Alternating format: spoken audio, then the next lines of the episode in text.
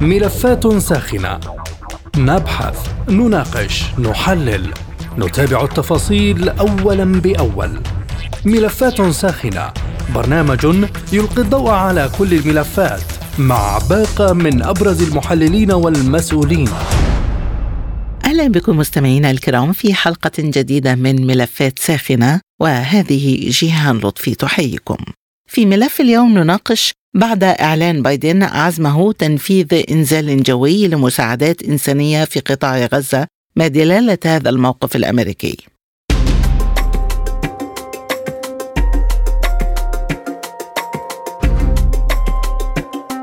أكد الرئيس الأمريكي جو بايدن السبت أن الولايات المتحدة ستنفذ خلال الأيام المقبلة عمليات إسقاط جوي لمساعدات إنسانية وإغاثية على سكان قطاع غزة مشيرا إلى أن المساعدات ليست كافية وأنه يأمل في التوصل لوقف إطلاق النار خلال الأسابيع المقبلة.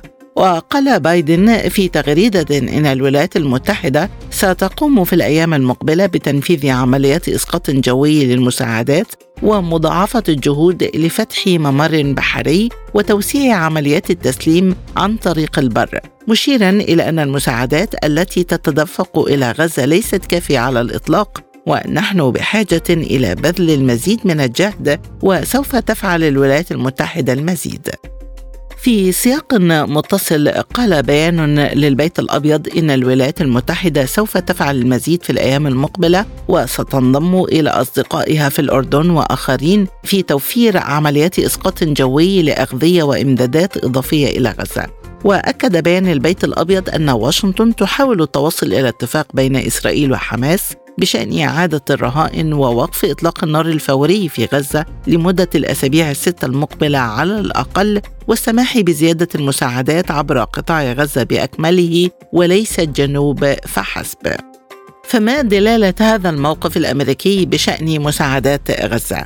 حول هذا الموضوع تدور نقاشاتنا في ملف اليوم من ملفات ساخنة البداية من بيروت ومعنا عبر الهاتف أستاذ العلوم السياسية والعلاقات الدولية الدكتور كميل حبيب.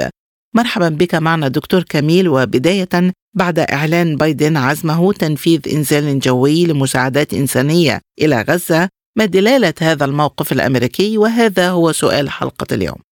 لقد تأخر هذا الموقف الأمريكي كثيرا وكثيرا جدا.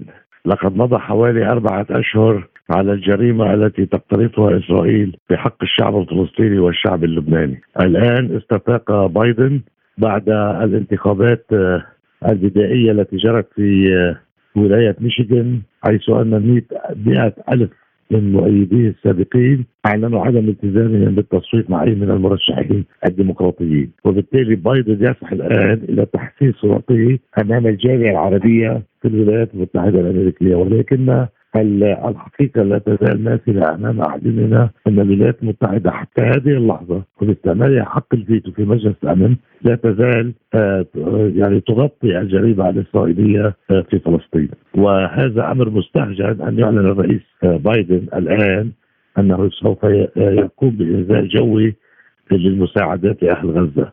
عليه عليه الضغط على نتنياهو أولا لوقف هذه المجزرة الرهيبة. التي تقوم بها الحكومة الإسرائيلية بحق الشعب الفلسطيني. هذا هو المطلوب من جو بايدن من الرئيس الأمريكي أن يفعله الآن وبسرعة قصوى ليس بإنزال المساعدات عن طريق الجو لأهالي غزة، هو يملك أوراق ضغط كبرى على الحكومة الإسرائيلية ويمكنه إجبارها على وقف شامل لإطلاق النار في غزة وهذا حتى هذه اللحظة لم تفعله الولايات المتحدة الأمريكية. ولكن دكتور في أي سياق يمكن قراءة هذا الموقف؟ هل يمثل إغاثة مؤقتة لسكان غزة لحين تكشف الموقف أم يعبر عن عجز أمريكي عن إقناع نتنياهو بإدخال المساعدات للقطاع؟ يعني أعتقد أن أنك أجبت على هذا السؤال. يعني هذا هذه إغاثة مؤقتة يعني وغير جديه وغير مجديه يعني المطلوب كما ذكرت انفا وقف اطلاق النار وأعتقد أن السياق الأساسي لهذه العملية هو محاوله بايدن تحسين صورته أمام الجالية العربية في الولايات المتحدة الأمريكية، لا يوجد أي تفسير آخر لهذا الموقف الفجائي المبتور من قبل الولايات المتحدة الأمريكية فيما يخص طوفان الأقصى والحرب التي تقوم بها إسرائيل ضد الشعب الفلسطيني. هذا هو السياق العام للمنطق الأمريكي الجديد، أما بخصوص الضغط على نتنياهو، ربما نتنياهو يعني ربما هناك تراجع أمريكي عن تأييد مطلق لإسرائيل ولكن هذا لم يترجم حتى هذه اللحظة اللي عليها الولايات المتحدة الأمريكية أن تترجمه في مجلس الأمن بالموافقة على وقف الانذار وعدم استعمال حق النقد الفيتو فيما يخص هذا الموضوع. واشنطن تملك أوراق ضغط كما تفضلت. اذا دكتور لماذا أخفقت في إقناع نتنياهو على مدار خمسة أشهر كاملة بإدخال المساعدات؟ وهل يمثل هذا موافقة ضمنية أمريكية على سيناريو التهجير؟ الولايات المتحدة الأمريكية حتى هذه اللحظة لم تقم بواجباتها في الضغط على نتنياهو. ولا للحظة حتى أن الولايات المتحدة الأمريكية لم تعد تطالب بوقف النار بل تطالب بهده تطالب بهده مؤقتة. وهذا لا يكفي. هذا يعني الولايات المتحدة الأمريكية لا تزال تتملق لنتنياهو وللسياسه الإسرائيلية في الشرق الأوسط. وكأني ويحضرني الآن مقولة قديمة جديدة تملك سياسة شرق أوسطية. إسرائيل عندها سياسة خارجية في الشرق الأوسط تغطيها الولايات المتحدة الأمريكية. يعني أنا ما راح اتفاعل كثير بالموقف الأمريكي، لست متفائلا بهذا الموقف الأمريكي الذي ينتقص إلى أدنى إلى أدنى ما نسميه بالضمير الإنساني، بعد أربعة أشهر وجود إغاثة الشعب الفلسطيني عن طريق المساعدات الجويه هذا ما عفوا ما حصل بموقع النابلسي قتل فلسطيني بين رجل مسن وامرأة وطفل. حاولوا يعني الامساك ببعض المساعدات التي انزلتها الطائرات الأردنية، يعني جريمة موصوفة على الرئيس الأمريكي الآن. قبل الغد طلب وقف إطلاق النار شامل في فلسطين. غير ذلك تكون الولايات المتحدة الأمريكية لا تغطي ما تقوم به إسرائيل من من إرهاب. بل هي شريكة في هذا الإرهاب على الشعب الفلسطيني. أمريكا اعتادت إسقاط مساعدات على المناطق الواقعة تحت سيطرة جماعات إرهابية، هل يرسل بايدن بهذا الموقف الجديد رسالة للقوى الإقليمية حول الرؤية الأمريكية لغزة؟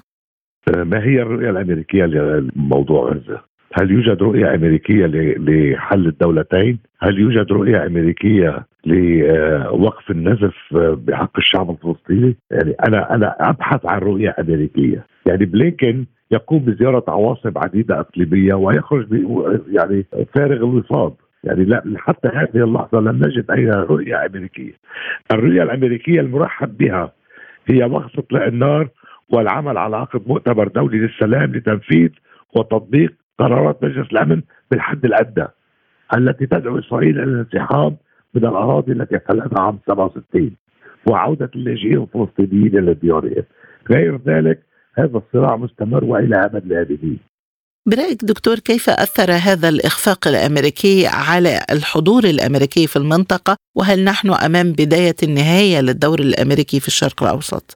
قد يخفو الدور الأمريكي بعض الشيء ولكن الولايات المتحدة الأمريكية عندها مصالح عندها مصالح كبرى في منطقة الشرق الأوسط وهي تتعاون مع العديد من الدول آه، في هذه المنطقة ولها حضور فاعل آه، في العديد من من العواصم العربية وأيضا في تل أبيب.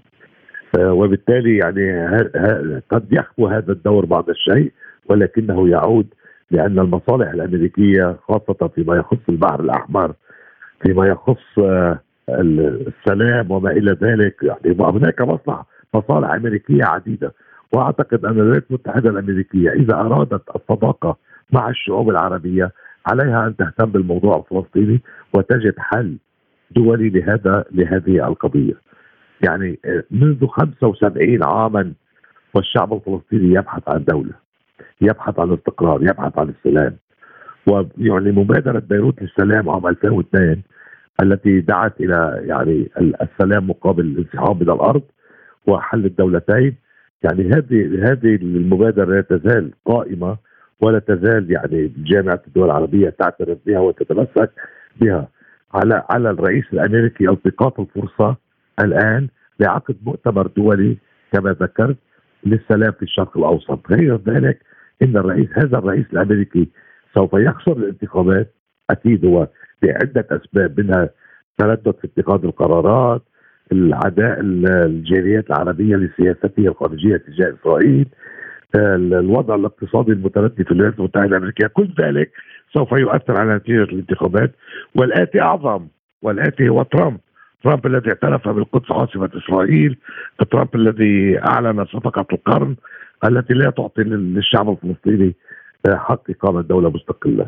يعني نحن متجهون في السياسة الخارجية الأمريكية من سيء إلى إلى اسوء للأسف الشديد.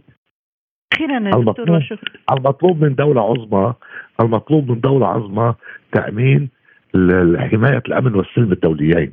ليس المطلوب من دولة عظمى كالولايات المتحدة الأمريكية التي تملك عدة أوراق للضغط على نتنياهو ان يعني ان أن لا تستعمل هذه الضغوط في سبيل الوصول إلى سلام عادل وشامل في المنطقة.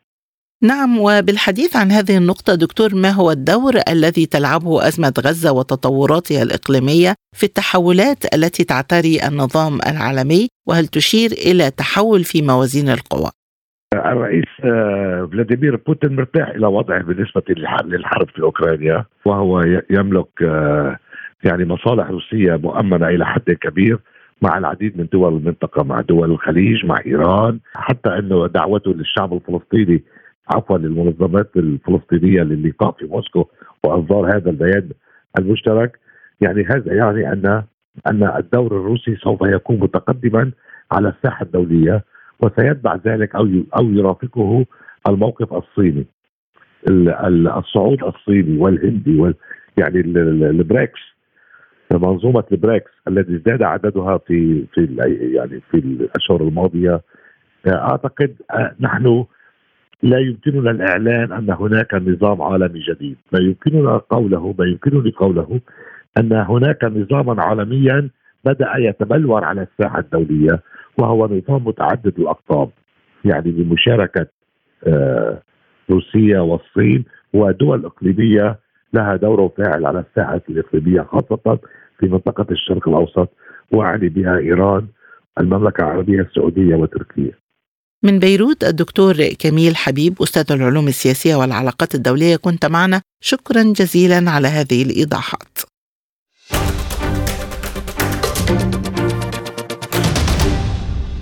وحول أثر الموقف الأمريكي من مساعدات غزة على المفاوضات المرتقبة في القاهرة بشأن التهدئة معنا من مصر أستاذ العلاقات الدولية الدكتور محمد اليماني. مرحبا بك معنا ضيفا عزيزا دكتور محمد. بداية ما دلالة موقف بايدن من المشاركة في إنزال مساعدات على غزة وهل يمثل هذا استمرارا في التماهي بين الموقفين الأمريكي والإسرائيلي أم بداية تحول حقيقي في موقف واشنطن؟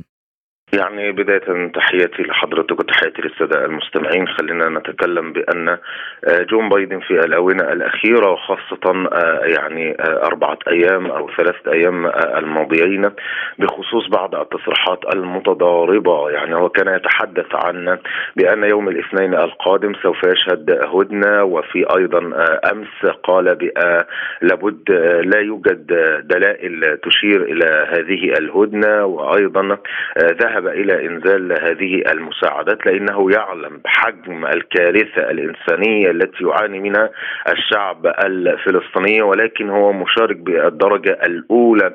وأيضا أنا أرى بأن أمريكا هي داعمة بالقرار وداعمة بالأسلحة وداعمة بالغطاء السياسي ولكن إسرائيل عليها التنفيذ وهذا أيضا منذ الثامن من أكتوبر إلى وقتنا هذا وأكثر من 144 يوما. هذه أيضا نقطة. أما النقطة المتعلقة بخصوص المساعدات. أنا أرى بأن في الإدارة الأمريكية يوجد بعض الاختلافات في هذا الأمر لأن الضغط من قبل الشعب الأمريكي على جون بايدن وعلى الإدارة الأمريكية. وكما نعلم بأن أيضا في الأيام السابقة شهدنا انتحار أحد الأشخاص أو أحد الشباب. ينددون أيضا بوقف إطلاق النار على قطاع غزة ويوجد فئة كبيرة جدا من الشعب الأمريكي لا يريدون استمرار العدوان الإسرائيلي على قطاع غزة وعلى الشعب الفلسطيني. لإن أقول لك أيضا على نقطة مهمة جدا. الشعب الفلسطيني بكل أطيافه أيضا سواء من النساء والرجال والأطفال هو المستهدف من هذه الحرب القذرة حرب الإبادة الجماعية التي تشنها أو يشنها الاحتلال الإسرائيلي. هذه نقطة. النقطة الأخرى المتعلقة أيضا بأن آه، كان الاحتلال الإسرائيلي منذ الثامن من أكتوبر إلى وقتنا هذا يحاول يروج إلى آه، نقطة مهمة هو القضاء على حركة حماس ولكن هذه هي الأكذوبة التي اطلقها أو أطلقتها إسرائيل إلى العالم حتى يتم تصديقها هذه أيضا نقطة. النقطة آه، التي تلي جون بايدن. جون بايدن كما نعلم بأن سنه وصل إلى 86 أو 85 عاما فهو أيضا لديه أمور لا علاقة بالأمور النفسية وعدم الاتزان وعدم يعني فقدان فقدان الذاكرة وما شابه ذلك أيضا ف فلم آه، يعني. نؤيل أو نعول على آه، هذه التصريحات من قبل آه، جون بايدن ولكن وكأن أيضا الولايات المتحدة أيضا مساعدة الاحتلال الإسرائيلي يريدون أيضا يعني مساعدة الدول العربية بأن الدول العربية الآن هي يعني تسقط المساعدات وإنزال المساعدات جوا سواء الأردن أيضا أو الجانب المصري لحفظ ماء الوجه هذا ليس معنى بأن مصر أو الأردن لم تبذل يعني جهدا كبيرا في هذا السياق ولكن أيضا أنا قلتها بأن اللوب يعني أيضا هذا تناقض أو هذا اتفاق أو هذه هذين النقطتين مهمتين. أول نقطة بأن اللوبه الامريكيه أو اللوبه اليهوديه الامريكيه يضغط على جون بايدن بتقديم المساعدات اللامحدودة. هذا من جهة من جهة أخرى أيضا لابد أن نعلم بأن الولايات المتحدة الأمريكية هي الدولة الوحيدة القادرة على وقف إطلاق النار ولكن كما نعلم بأن بنيامين نتنياهو في الفترة الماضية يحاول إقناع الإدارة الأمريكية أو تماهي الإدارة الأمريكية حتى يذهب إلى يعني الانتخابات الأمريكية في نوفمبر المقبل يعني يحاول أيضا يروج إلى بعض الأمور المتعلقة بأنه يحاول تحرير الرهائن بالقوة وليس بدون أي صفقة تتم بين آه، إسرائيل وتتم أيضا بين حركة حماس وكل ما شهدناه في الآونة الأخيرة قمة باريس والحديث عن صفقة والحديث عن هدنة. هذا آه، يعني من باب الخداع والتضليل وتزييف الحقائق من قبل آه، الاحتلال الإسرائيلي. هذه أيضا جزئية. يعني أقل تقدير أستاذتي الكريمة بخصوص المساعدات إذا شهدنا أي حرب بين أيضا جيش نظامي أو فصيل مسلح أو ما شابه ذلك. الأمور الإنسانية هي بعيدة كل البعد على ما تم أو ما زال يتم من تجويع إجباري والموت بالبطيء لك أن تتخيلي أستاذ جيانا بأن كل 15 دقيقة يموت طفل وإن كان هذا الطفل لا يموت بالبندقية فهو يموت أيضا جوعا جوعا بخصوص هذه المواد الغذائية. يقول لك أيضا بأن يعني الاستخفاف بعقول آه، العرب واستخفاف آه، بعقول آه، الدول العربية وبالشعوب العربية عندما يتحدث أيضا المسؤول الإعلامي في الاحتلال الإسرائيلي على أن المجزرة التي تمت أول أمس أو يعني أول أمس بخصوص المجزرة أكثر من 120 شهيدا بأن هذا التدافع على يعني الحصول على المواد الغذائية وأيضا التكدس من قبل الشعب الفلسطيني وما شابه ذلك هو الذي يعني آه، يعني هو كان سببا في موت هؤلاء ولكن هذه الرواية أيضا آه، تزييف كبير جدا من الاحتلال الإسرائيلي ولكن الحقيقة تقول بأن الاحتلال الإسرائيلي ما زال يمارس أيضا كل آه، أشكال وأنواع الإبادة والجرائم والمجازر في حق الشعب الفلسطيني والهدف الأساسي هو تصفية القضية الفلسطينية بكل أشكالها وأيضا يوجد نقطة جوهريه الاحتلال الإسرائيلي يعلم بأن يعني آه، يوجد آه، استنفاذ كبير جدا من الأدوات العسكرية التي كانت تمتلكها حركة حماس أو كتائب القسامة والفصائل المقاومة في فلسطين. فيلعب على هذا الأمر يعني لابد من الصبر آه، الصبر أو الوضوح التكتيكي. يعني كان يتبع أيضا الاحتلال الإسرائيلي وخاصة نتنياهو هو الغموض التكتيكي. أرى بأن الآن يتبع الوضوح التكتيكي في هذه الاستراتيجية وهذه الاستراتيجية تقول لابد أيضا من استمرار القتال حتى يتم استنفاذ هذه الأدوات وسوف نشهد سيطرة كاملة من قبل الاحتلال الإسرائيلي على قطاع غزة سواء في الشمال أو الجنوب. وأرى أن أرى أيضا أن هذا الأمر صعب ولكن ليس مستحيلا. يعني أنا لا أتمنى هذا الأمر ولكن أقول لك على رؤية تحليلية واقعية لما نشهده على الميدان لأن حركة حماس يعني بقى لها أكثر من فترة سواء كانت صغيرة أو كبيرة لم تتلقى الدعم اللوجستي. وأيضا الاحتلال الإسرائيلي عندما كان يتحدث عن محور صلاح الدين الذي بينه وبين أيضا الجانب المصري كان من باب هذه المساعدات العسكرية. وأيضا كان الحديث أيضا على خطتين يعني عندما كنا نسمع في الأيام السابقة عن خطة بنيامين نتنياهو وخطة أيضا وزير الدفاع وكذلك أيضا ازجنكوتا ولكنهم كانوا يتحدثون وكان لديهم تخوف كبير بأن هذه الهدنة إن تمت قبل شهر رمضان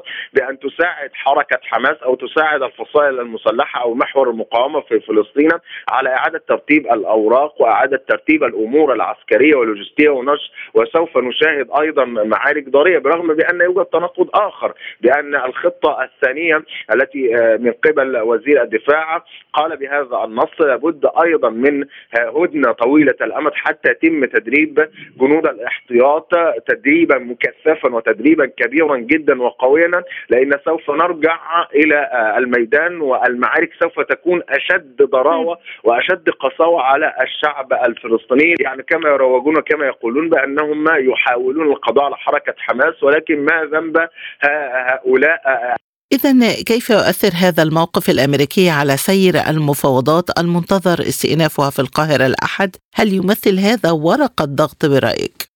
لا أستاذتي الكريمة يعني أنا الولايات المتحدة الأمريكية حتى لا أعيد الكلام مرة أخرى هي مع إسرائيل قلبا وقالبا. هي تدعم إسرائيل بكل ما أوتي من قوة. وهي أيضا تستغل ما يتم آه، من حرب على قطاع غزة في منطقة الشرق الأوسط وهذه اللعبة السياسية وإرجاع أيضا آه، الولايات المتحدة الأمريكية إلى منطقة الشرق الأوسط. ولكن خلينا نتحدث عن هذا السؤال آه، الرائع بخصوص الصفقة. هل يوجد صفقة؟ هل يوجد بوادر؟ هل يوجد قراءة وتعمق؟ كبير جدا بان بأننا نحن مقبلين على صفقة قبل شهر رمضان وأن الولايات المتحدة الأمريكية تتحدث عن هذا الأمر. وأيضا كان يوجد تصريح من قبل الولايات المتحدة الأمريكية ولكن اعتدنا بأننا لا نصدق الولايات المتحدة الأمريكية ولا نصدق تصريحات الولايات المتحدة الأمريكية برغم بأن يوجد بعض المراقبين وبعض المحللين السياسيين يبنون بعض التحليلات على التصريحات. وهذا أيضا شيء مقبول في السياسة وشيء أيضا جيد. ولكن لابد أن نعلم بأن الولايات المتحدة الأمريكية ماذا تفكر؟ ماذا أيضا لديها؟ يعني عندما يعني يوجد أيضا الجانب الروسي والصيني عندما يعني في مجلس الأمن بخصوص هذا القرار بوقف إطلاق النار وجاء أيضا قرار الولايات المتحدة الأمريكية بالنقد حق الفيتو وكذلك بعض الدول الأخرى واخرها كانت الجزائر فهذا أيضا تناقض وهذا كبير وهذا أكبر دليل بأن يوجد ضغط من قبل الإدارة الأمريكية بأن لا نريد وقف إطلاق النار لأن إسرائيل وأقول لك أيضا بأن وزير الدفاع صرح وقال بهذا النص وهذه تصريحات وهذه آه، يعني التحليلات مرتبطة أيضا بعدم الصفقة عندما قال بأننا لن نبقى في منطقة الشرق الأوسط بدون انتصار. هذه أيضا نقطة لأن حتى هو من ضمن هذه التصريحات قال لن يحق لنا أن نبقى في منطقة الشرق الأوسط إلا إلا بتحقيق انتصار عسكري في آه، قطاع غزة على حساب حركة حماس سواء سياسيا أو عسكريا. هذه أيضا جزئية وهذا أيضا دلالة كبرى بأن الخداع والتضليل من قبل الاحتلال الإسرائيلي بأننا نحاول ويوجد أيضا الوسطاء وأيضا من قبل الوسطاء آه، قطر القطر والجانب المصري هم يبذلون قصارى جهدهم ولكن شهدنا في الاونه الأخيرة بأن يوجد بند أو بندين لم يتم التوافق عليه من قبل الاحتلال الإسرائيلي وبعض المطالب من قبل حركة حماس يتم الرفض من قبل نتنياهو. نشهد بعد يوم أو يومين مجزرة أخرى من قبل الاحتلال الإسرائيلي. فأنا أرى إذا تحدثنا عن يعني يوم غد أو غدا بخصوص هذه المحادثات أو من قبل الولايات المتحدة الأمريكية هذا تماهي وأيضا لا يوجد يوجد نيه ولا أيضا الولايات المتحدة الأمريكية ولا حتى الاحتلال الإسرائيلي في هذا التوقيت. وإن كنا نتحدث عن أن الرأي العام الإسرائيلي ملتهب وهذا سوف يؤثر على صناع القرار. ولكن أرى بأن الآن الكيان الصهيوني هو في حالة حرب بأنه لم يدخل حربا يعني بهذه الشراسة منذ 75 عاما. هذه أيضا نقطة يوجد كوارث في الداخل الإسرائيلي. هذه الكوارث متعلقة بالأزمات الاقتصادية متعلقة ببعض التخ... الاختلافات متعلقة أيضا بقتل الجنود الإسرائيليين وقتل أيضا الضباط. حتى يوجد أيضا اختلافات وأمور خطيرة جدا متعلقة بجنود الاحتياط. وسن آه، قوانين جديدة تقول بأن لابد من أن آه، يعني بدايه بداية من جنود الاحتياط سنهم 17 عاما وبأن لابد الضابط أن يصل إلى المعاش إلى سن 58 عام. يوجد بعض القوانين الآن في التشريع هي قابلة للتشريع في الداخل الإسرائيلي لأنهم يرون بأنهم في حالة حرب ولابد أن يكون على قلب رجل واحد ولكن هم على رجل قلب واحد في الإبادة على الشعب الفلسطيني. وإن كنا أو أحد يتحدث ويقول بأن يوجد معتدلين في الداخل الإسرائيلي فهذا ليس صحيح. أرجع مرة أخرى بخصوص الصفقة أو بخصوص الهدنة. آآ آآ لابد أن نتحدث عن بعض الدلالات المهمة. كم مرة كم مرة سمعنا وشهدنا يعني سواء سواء من قبل الاتحاد الأوروبي عن خطة شاملة بخصوص وقف إطلاق النار وكم مرة أيضا سمعنا في بعض المناسبات بأننا مقبلين على هدنة الهدنة الوحيدة اليتيمة التي تمت الموافقة عليها من جميع الأطراف وأيضا على رأسهم الاحتلال الإسرائيلي لأن الاحتلال الاسرائيلي أراهم من وجهة نظري كل مرة هو الذي يعرقل هذه المحادثات وهذه الأمور وهذه الصفقات. لماذا يعرقل؟ لأن بنيامين نتنياهو ينظر إلى مستقبله السياسي الذي هو على المحك ويرى ويتأكد ويعرف تمام معرفة بأنه إذا تم وقف إطلاق النار أو هدنه طويلة الأمد لعل أن يكون هذا قابل لدخوله السجن ومحاسبته ومحاكمته محاكمة عسكرية لأن آه، لديه ملفات فساد سواء كان بنيامين نتنياهو حتى ابنه في هذا التوقيت وكما نعلم نعم. بأن يوجد أيضا منافسة بينه وبين سومتريتش بن غفير بالحديث عن هذه النقطة للمرة الأولى يعترف رئيس أمريكي بأنه غير قادر على التأثير على نتنياهو هل فقدت واشنطن قدرتها على التأثير في إسرائيل أم أن الرئيس الأمريكي يحاول غسل يديه من نتنياهو؟ لا the الكريمه آه، آه، يعني الجون بايدن الآن عندما ذهب أخيرا عندما ذهب إلى الاحتلال الإسرائيلي هو حاول أن يكسب ود اللبه اليهوديه الامريكيه في الانتخابات القادمة وهو أيضا ليس قادر على فعل أي شيء في هذا التوقيت لأن يوجد ضغط كبير وهو حاول أيضا كما ذكرت منذ قليل لأن هو خسر أصوات العرب وخسر أصوات المسلمين وخسر بعض الأصوات الأخرى وكثير من الشعب الأمريكي يرى بأن جون بايدن لا يصلح بولاية ثانية هذه أيضا جزئية. الجزئية الأخرى نتنياهو والولايات المتحدة الأمريكية آه، يعني هم وجه واحد للحقيقة. لا يوجد اختلاف. يعني أقول لك على نقطة مهمة جدا. الولايات المتحدة الأمريكية الأمن القومي الإسرائيلي يمثل أهمية بالغة وكبيرة جدا لدى أمريكا. النقطة الثانية بأن العلاقات الأمريكية الإسرائيلية الاستراتيجية متينة إلى أبعد الحدود ولا تؤثر فيها أي خلاف تكتيكي متعلق بالميدان أو بالأمور العسكرية أو غيرها. فهذا إن دل يدل على أن لا يوجد اختلافات ولكن لابد من هذا الأمر في تغليفه للرأي العام العالمي للرأي العام العربي بأن آه، ها هنا نحن نتحدث عن بعض الاختلافات مع جون بايدن ومع أيضا نتنياهو ولكن هذا الأمر ليس لديه أي صحة. وإن كنا نسمع بعض التصريحات وبعض المضاربات أو بعض التصريحات القوية ولكن لابد أن نعزم ونتفق بأن أمريكا وإسرائيل متفقين في مواقف كثيرة جدا وفي قرارات كثيرة متعلقة في هذا في هذه الحرب على قطاع غزة. بحديثي إلى أستاذ العلاقات الدولية الدكتور محمد اليماني من القاهرة نكون وصلنا لختام حلقة اليوم من ملفات ساخنة. وللمزيد زوروا موقعنا على الإنترنت سبوتنيك dot ae شكرا لطيب المتابعة وإلى اللقاء. مستمعينا بهذا نصل وإياكم إلى نهاية هذه الحلقة من برنامج ملفات ساخنة. طابت أوقاتكم وإلى اللقاء.